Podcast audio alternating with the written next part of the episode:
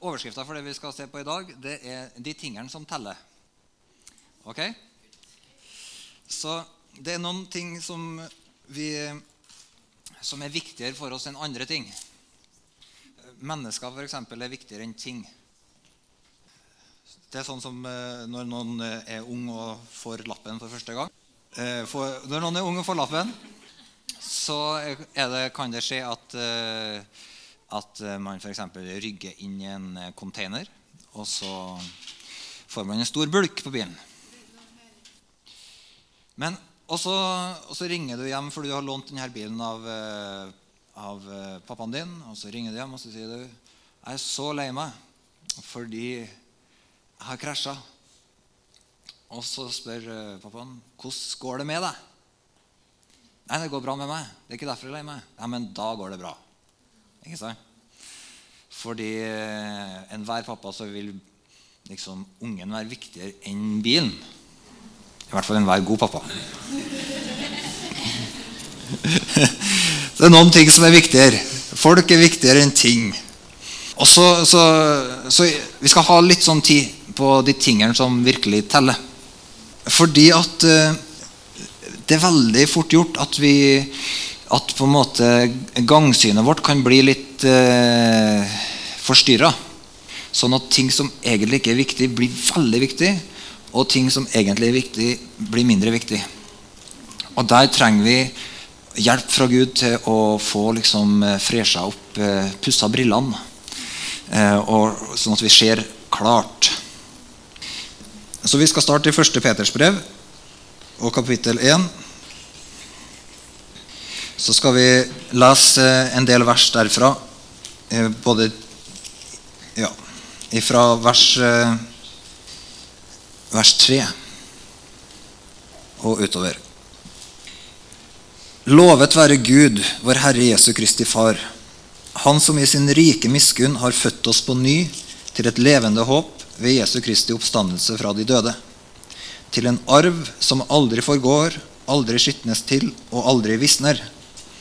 Den er gjemt i himmelen for dere, dere som i Guds kraft blir bevart ved tro, så dere når fram til frelsen. Den ligger alt ferdig til å bli åpenbart ved tidens ende. Derfor kan dere juble av glede, selv om dere nå en kort tid, om så må være, har det tungt i mange slags prøvelser. Slik blir troen deres prøvet. Selv forgjengelig gull blir eh, prøvet i ild. Troen, som er mye mer verdt, må også prøves så den kan bli til pris og herlighet og ære for dere når Jesus Kristus åpenbarer seg. Han elsker dere enda dere ikke har sett han. Han tror dere på enda dere nå ikke ser han.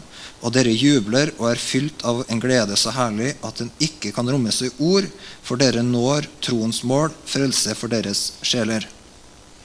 Skal vi ta og hoppe litt i teksten. Eh, og gå til vers 13. Spenn derfor beltet om livet, vær våkne, beredt i tanke og sinn.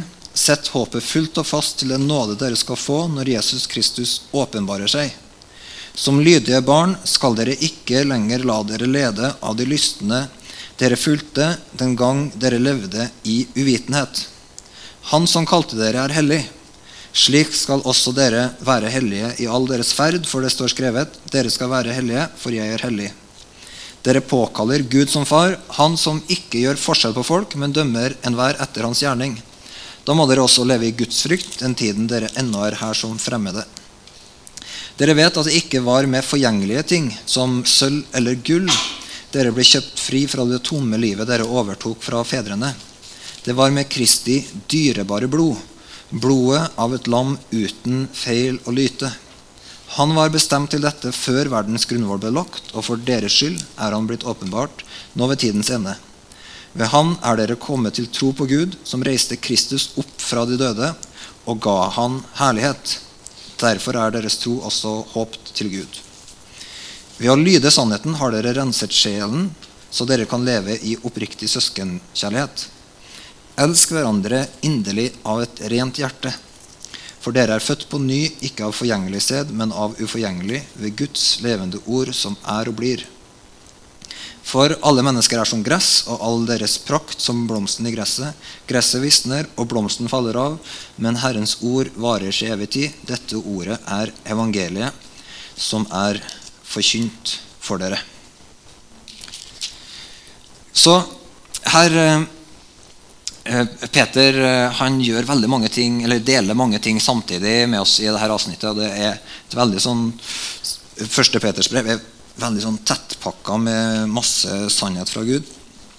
Men det er noen ting som, eh, som jeg tenker vi gjør lurt i altså bare som et sånt startpunkt på det vi ser på her i dag. Og en referanse for alt, det er at Skal vi ta bare legge merke til noen ting som Peter peker på.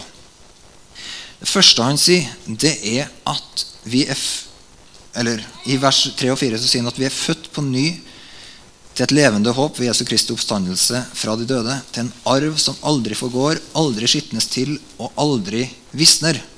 Den er gjemt i himmelen for dere. Så det er som om Peter liksom sier at vi, det håpet vi har fått, eller det, det handler om at Jesus har stått opp fra de døde. Vi har et levende håp. Håpet er en person. Um, men, men det her håpet, da, det skitnes ikke til. Det forgår ikke, det visner ikke. Så akkurat som han sammenligner håpet med eh, på en måte andre ting som man kan sette sin lit til. F.eks. så kan man sette liten sin til et tre og ha håp om at dette treet en dag så skal det bære frukt, så jeg får mat på bordet. Og så men kanskje så skjer det at eh, sola stiger opp og svir av eh, marka, og det tørker, og så kommer det aldri noe, tre på det her, eh, noe frukt på dette treet. Det bare visner. Så håpet som man kan sette til ting som visner, det er et sånt usikkert håp. Det er ikke noe som er garantert. Han snakker om ting som kan bli skitna til, eller som forgår. Altså noe som ikke har noe evig i seg. Men det håpet som Gud har gitt oss, det har en evig verdi. Det er veldig viktig å, å tenke på for, eh, fordi at uh, vi lever i en tid hvor håpet til mennesker står til I all hovedsak så er si, det norske håpet det handler om ting som forgår. Mm -hmm. Så det handler om at man skal sette liten sin til eh, den usikre rikdommen. Rikdommen kalles i første Tim og TVs brev 6 og vers 17 for den usikre rikdommen. Det å sette, ikke sette liten sin til den usikre rikdommen. Men det er mange som lever på en sånn måte at, at tilliten, håpet deres, sikkerheten, er i materielle ting. Det er for å si det mildt, risikabelt. Det fremstår veldig fornuftig. Har du sikra framtida di økonomisk? Og så sier folk 'ja, det har jeg gjort'. Og så vet de ikke at det er i beste fall et tåpelig utsagn. I verste fall et eh, katastrofalt utsagn. Du kan ikke sikre framtida di økonomisk. Det går ikke an. Så når du hører om en fotballspiller som tjener han har akkurat signert en treårskontrakt og tjener 100 millioner på tre år. Han gjorde det for å sikre framtida si økonomisk. Så må du si det går ikke. Det er, en, det er et bedrag. Det er lureri. Eh, har du fått deg en god utdannelse så du har sikra framtida di økonomisk? Det er tøys. Det er ikke sant. Det går ikke an. Fordi rikdommen er usikker.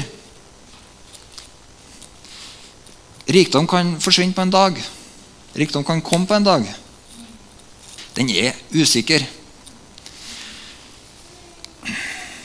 Og Peter han sier at vi har fått et håp da, som aldri forgår, aldri skitnes til og aldri visner. Det er en del som har håpet sitt til mennesker.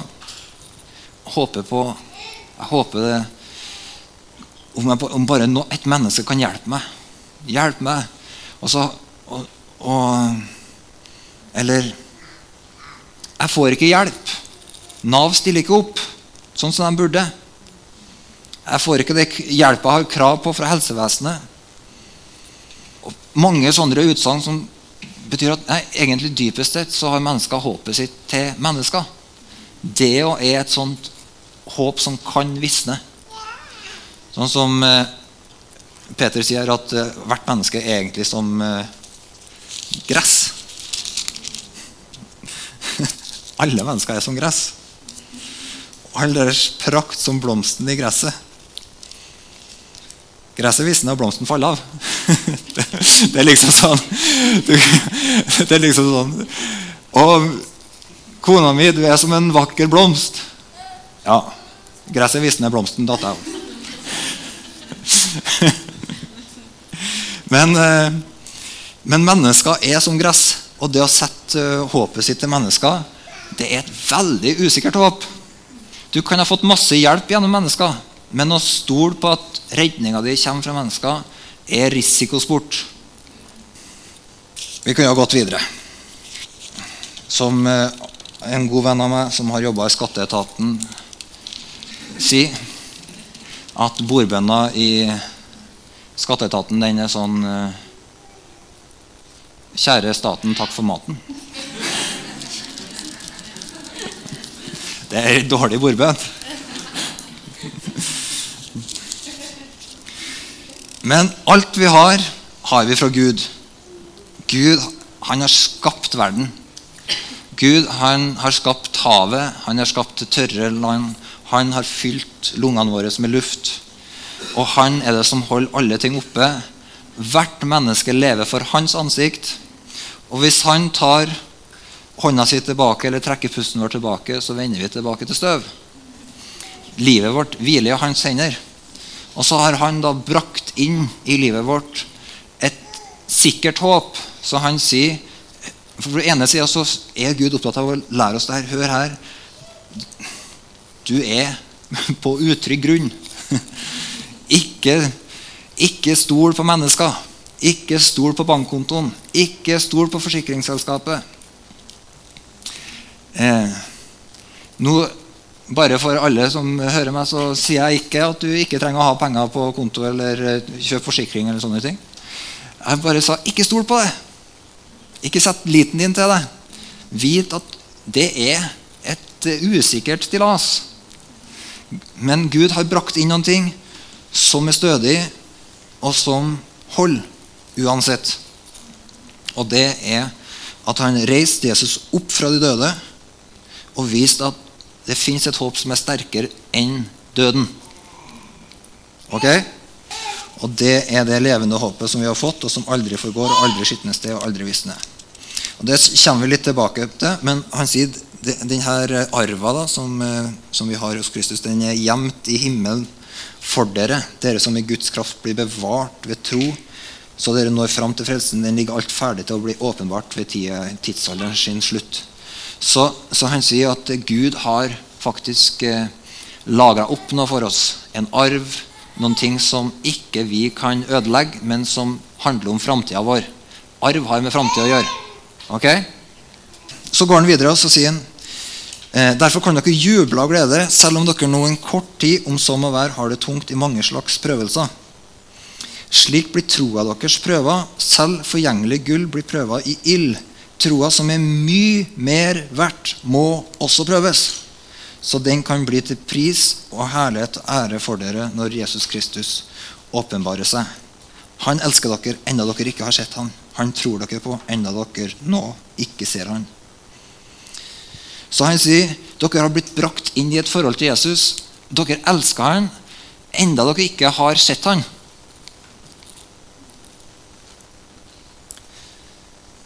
Han tror dere på, enda dere nå ikke ser han. Så trua som Gud har gitt oss, har brakt oss inn i en relasjon til den usynlige Gud. Og så sier Peter at troa vår, den er mer dyrebar enn gull. Så det betyr at troa som Gud har gitt deg, relasjonen din til Gud, det er noen ting som er dyrebart. Det er noe som er veldig verdifullt. Og det er noe som du må sette alt inn på å bevare. Ta vare på. Så Troa er ikke noe som du bare får en gang, og så liksom putter du den i baklomma, og så har du den med deg gjennom livet. Men troa er noe som er i utvikling. Troa er noe som vokser. Troa er noe som modnes i karakter. Troa Gud har faktisk sånn omsorg for troa di at han fører deg gjennom ting for at du skal komme inn i en dypere relasjon til Gud. Og for at han skal ta vekk ting som, at, eh, som hindrer denne relasjonen til Jesus. Så troa vår er dyrebar for Gud, og den trenger å være dyrebar for oss også. Så Det er noen sånne uttrykk i, i Bibelen som berører trua. Eh, blant annet så, så, finner vi det at eh, skal, Vi trenger ikke å slå det opp, men eh, i 1. Timoteus så står det at vi, vi næres ved troens ord. Et sånt uttrykk som brukes der. Så troa di har en næringskilde. Det er et ord som heter troens ord, som vi næres ved. Så en måte å ta vare på troa Bevare den, for det her er verdifullt. Det er som en skatt. Du må ta godt vare på den. Eh, og det er ikke som en, sånn skatt, altså som en skattkiste som du på en måte låser inn. Men kan du, eh, Tobias, komme og stå her? Ingrid Lise, er han her en skatt? Ja. Ok. Hjelper det å låse den inn? Ok. Men han er en skatt? Hvorfor låser du han ikke inn? Folk må se skatten? Ok. Men la oss ta et tenkt eksempel. Hva er det mest dyrebare du har i livet? Det mest dyrebare, Ja, bortsett fra mann og barn, så er det Jesus. ja, men, ja, ja Jesus er med. Men, men du sa noe her. Mann og barn. Ja, Ok. Er han mann eller barn? barn. Ok. Barn som holder på å bli mann, men ikke ekte mann. Enda. Nå skal du høre. Hvis du, Han er en skatt. Ok, vi er enige om det. Han, du er det mest dyrebare. Tenk på det. Du er det mest dyrebare hun har i livet sitt. Er ikke det kult? er det fett? Ja. Ok. Eh, og så er saken hvis, For det er noe i deg som På en måte så kunne du tenkt deg den her, vet du, Skal jeg fortelle deg en ting? Verden kan være en skikkelig utfordrende plass. Og verden kan være farlig. For eksempel, hvis man får lyst til å klatre opp i toppen av et tre, kan man dette ned. Ja. Mhm. Og når man går på skolen, så kan man bli forelska i ei jente, og så får man kjærlighetssorg. Det er skikkelig trist. Så livet kan gjøre vondt. Så av og til så får foreldre lyst til å kjøpe en stor nøkkel, låse inn barna på loftet. For at ikke de skal bli ødelagt og få blitt skada på hjertet sitt eller noen sånne ting. Men hvorfor gjør du ikke det? Du har akkurat sagt at han er dyrebar, han er skatten din. Men hva skjer med han hvis du låser han inn på et mørkt rom? Hæ, da visner han. Ja, da blir han grå i ansiktet. Og da blir han trist. Han mister herligheten sin. Tusen takk. Du kan sette deg. Takk for innsatsen. Så, så troa vår er som en skatt, men det er ikke av den typen skatt som du liksom låser inn og gjemmer bort. Men troa er en sånn levende skatt. Ok? Det betyr at vi må gi den næring. Og så sier eh, Jakob han sier det at eh, sånn som kroppen dør uten åndedrett, så er troa død uten gjerninger. Så troa trenger å få pusta. Så f.eks.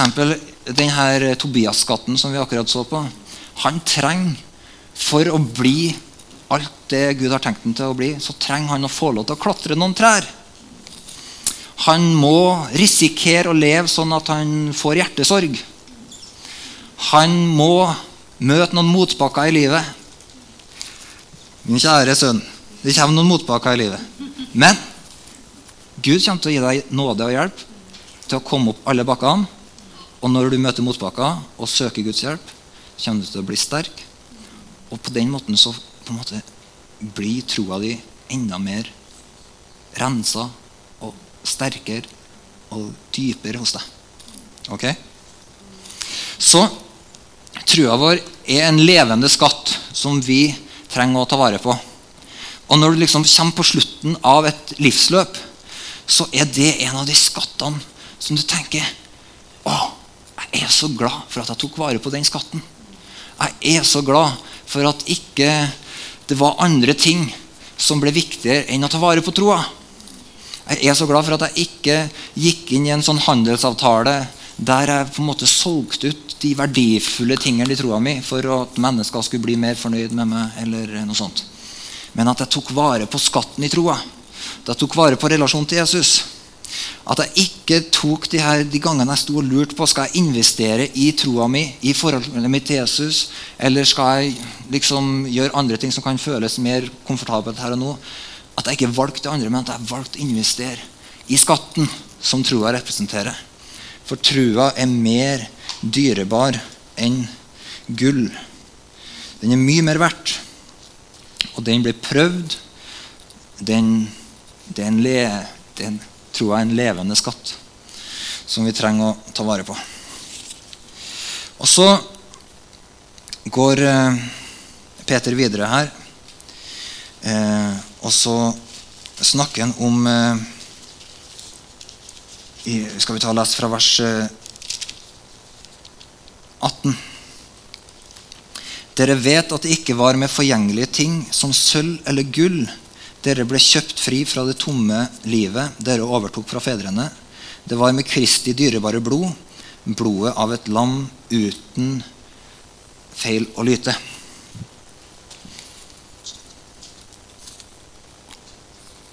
Så her har Peter noen andre ting som han sammenligner med, med sølv og gull.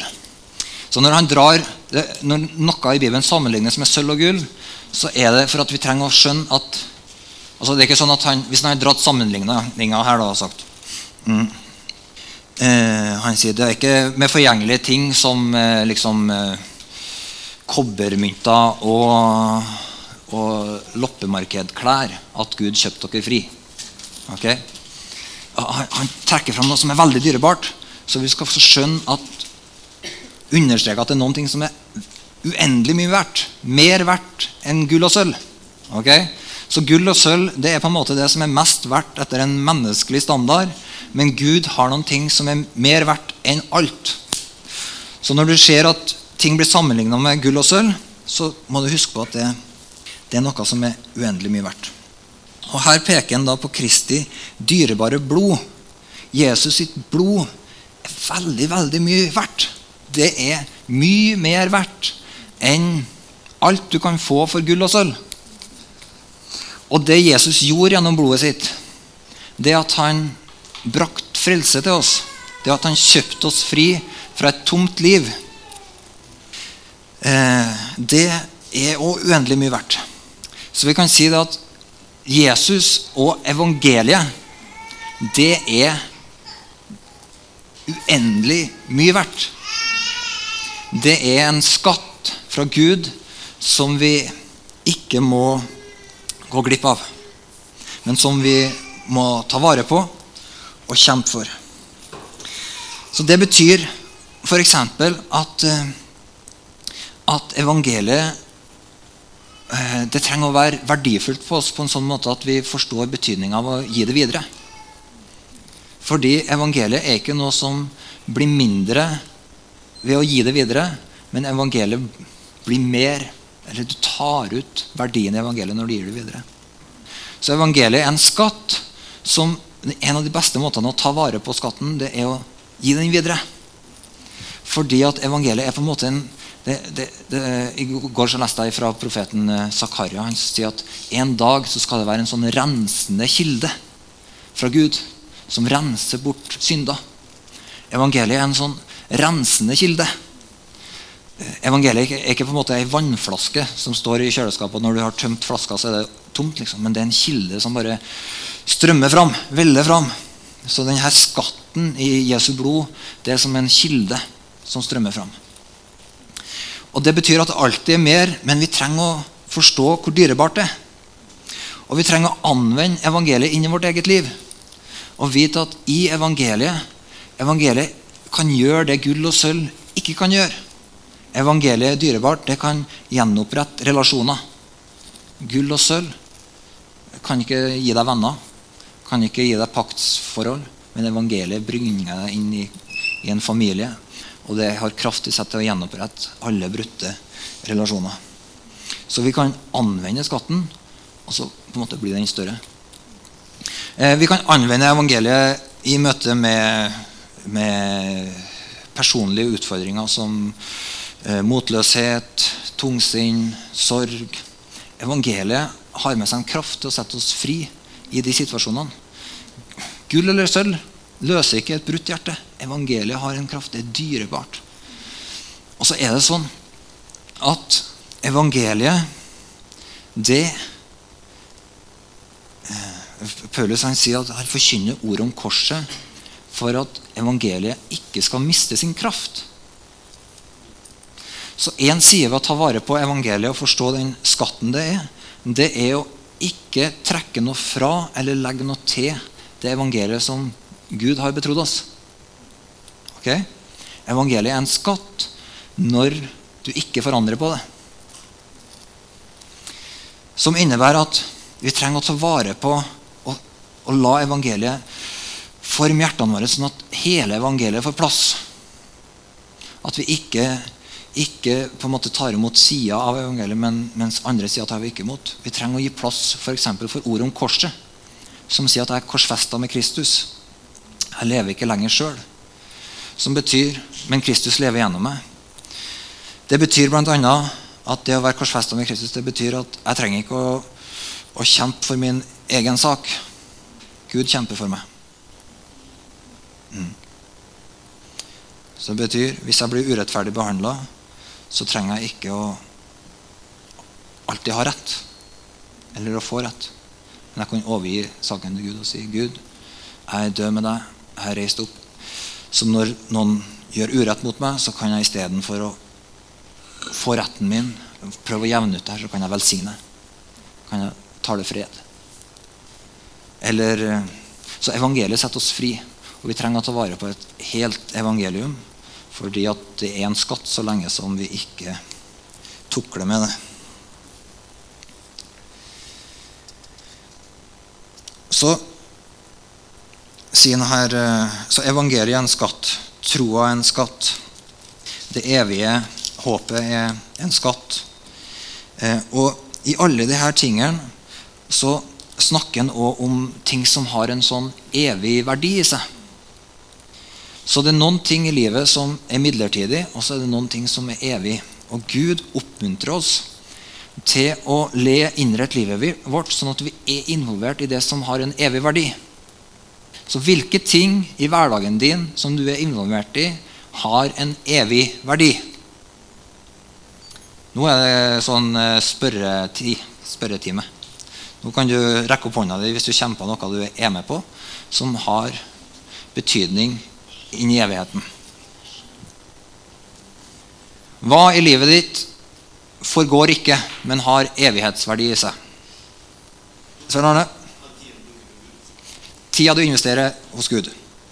Så det går an å være Det er et uttrykk som brukes i Lukas 12. Der står det at livet er mer enn penger. Det gjelder å være rik i Gud. Okay? Så når du kommer på slutten av livet, så kan du vite at ja, jeg har, jeg har vært rik hos Gud. Jeg har kjent Gud, jeg har levd med Gud. Gud har vært en del av livet mitt. Jeg har erfart og, og levd av Hans nåde hver dag. Jeg har sett at livet mitt er fullt av at Hans hånd er utdrakt i hverdagen min. Det er en rikdom. Og Gud, eh, Peter eller Jakob sier det sånn at Gud har utvalgt de fattige i verden til å være rik i troa. Så det går an å være rik i Gud, rik i troa. Mm.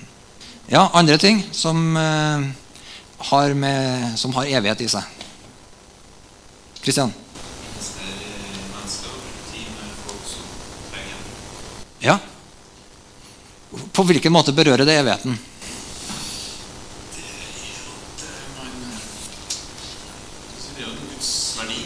Ja. Ja. ja. Gud har lagt evighet ned i alle mennesker. Gud har skapt oss ikke for å være bundet av tida, men Gud har skapt alle mennesker, ikke bare dem som er kristne, men alle mennesker, som sånne evige evige vesen. ikke det fantastisk? Så Hvis du kjenner en lengsel etter å leve evig, så er det bare fordi du er skapt sånn. Alle mennesker du møter, har en evig framtid. Det investerer i mennesker, det gjør godt mot et menneske, det velsigner et menneske. Det å være med og, og berøre med Guds kjærlighet, sånn at folk kommer inn i en rett relasjon til Gud, det har med evigheten å gjøre. Mm. Så det er veldig viktig at, eh, at uh, Vær alltid mer opptatt av mennesker enn ting. Andre ting? Nå skal dere få et annet hint. Når Bibelen snakker om uh, ting som har evighet i seg, så bruker de ofte gull og sølv. Jeg tenkte på det verset som står om å bruke pengene Ja. til å verden. Ja. Ja. Veldig bra. Lukas 16. Lukas 16. Skal vi ta og lese de versene sammen? Det er kjempegode vers. Jeg skal ta, vet du, Vi skal ta avslutt med de versene, men jeg skal bare nevne en ting til. Eller et par ting til. Og Det ene er at eh, når Bibelen snakker om eh, Guds hus, så er byggematerialene i huset det er gull og sølv og edelstener. Så faktisk det å investere livet sitt i å bygge Guds hus, det har med evigheten å gjøre. Og det er en ting som teller eh, Som du ikke kan bytte ut med noe annet. Fordi at Gud har sagt at det her har med evigheten å gjøre. Det her, med, det her er gull og sølv. Det her har et perspektiv i seg som er mye større enn bare tida som du lever her på jorda. Men du er med å bygge inn i en evig bolig. Så, så mennesker er viktig, evangeliet er viktig, troa er viktig, huset til Gud er viktig. Og så kunne vi sagt, og kanskje vi skal gjøre det siden og, og Jeg vil anbefale alle som ikke har hørt Nordleif sin undervisning forrige søndag, om å høre det opptaket om forvalterskap. Men de teksten som Tone ga oss fra Lukas 16 her, skal vi ta og avslutte med. Skal vi lese sammen eh, fra vers 1 til eh, 13. Så skal vi lese det ganske sakte, sånn at vi får litt tid til å tenke. I hvert fall mot slutten av eh, avsnittet. Jesus sa til disiplene det var en rik mann som hadde en forvalter. Av andre fikk han vite at denne forvalteren sløste bort formuen hans. Da kalte han forvalteren til seg og sa, Hva er det jeg hører om deg? Legg fram regnskap over driften, for du kan ikke lenger være forvalter hos meg. Men forvalteren sa til seg selv, Hva skal jeg gjøre nå når herren min tar stillingen fra meg? Å grave har jeg ikke krefter til, og å tigge, det skammer jeg meg over. Jo, nå vet jeg hva jeg skal gjøre for at folk skal ta imot meg i sine hjem når jeg blir sparka. Han kalte til seg dem som hadde gjeld hos herren hans, en etter en, og sa til den første, Hvor mye skylder du herren min? Hundre fat olje, svarte han. Her har du gjeldsbrevet ditt, sa forvalteren. Sett deg ned med en gang og skriv 50. Og så spurte han den neste, og du, hvor mye skylder du? 100 tønner hvete, svarte han. Her er gjeldsbrevet ditt, sa forvalteren. Skriv 80. Herren ga den uhederlige forvalteren lovord fordi han hadde handlet klokt. For denne verdens barn ordner seg klokere med hverandre enn lysets barn gjør.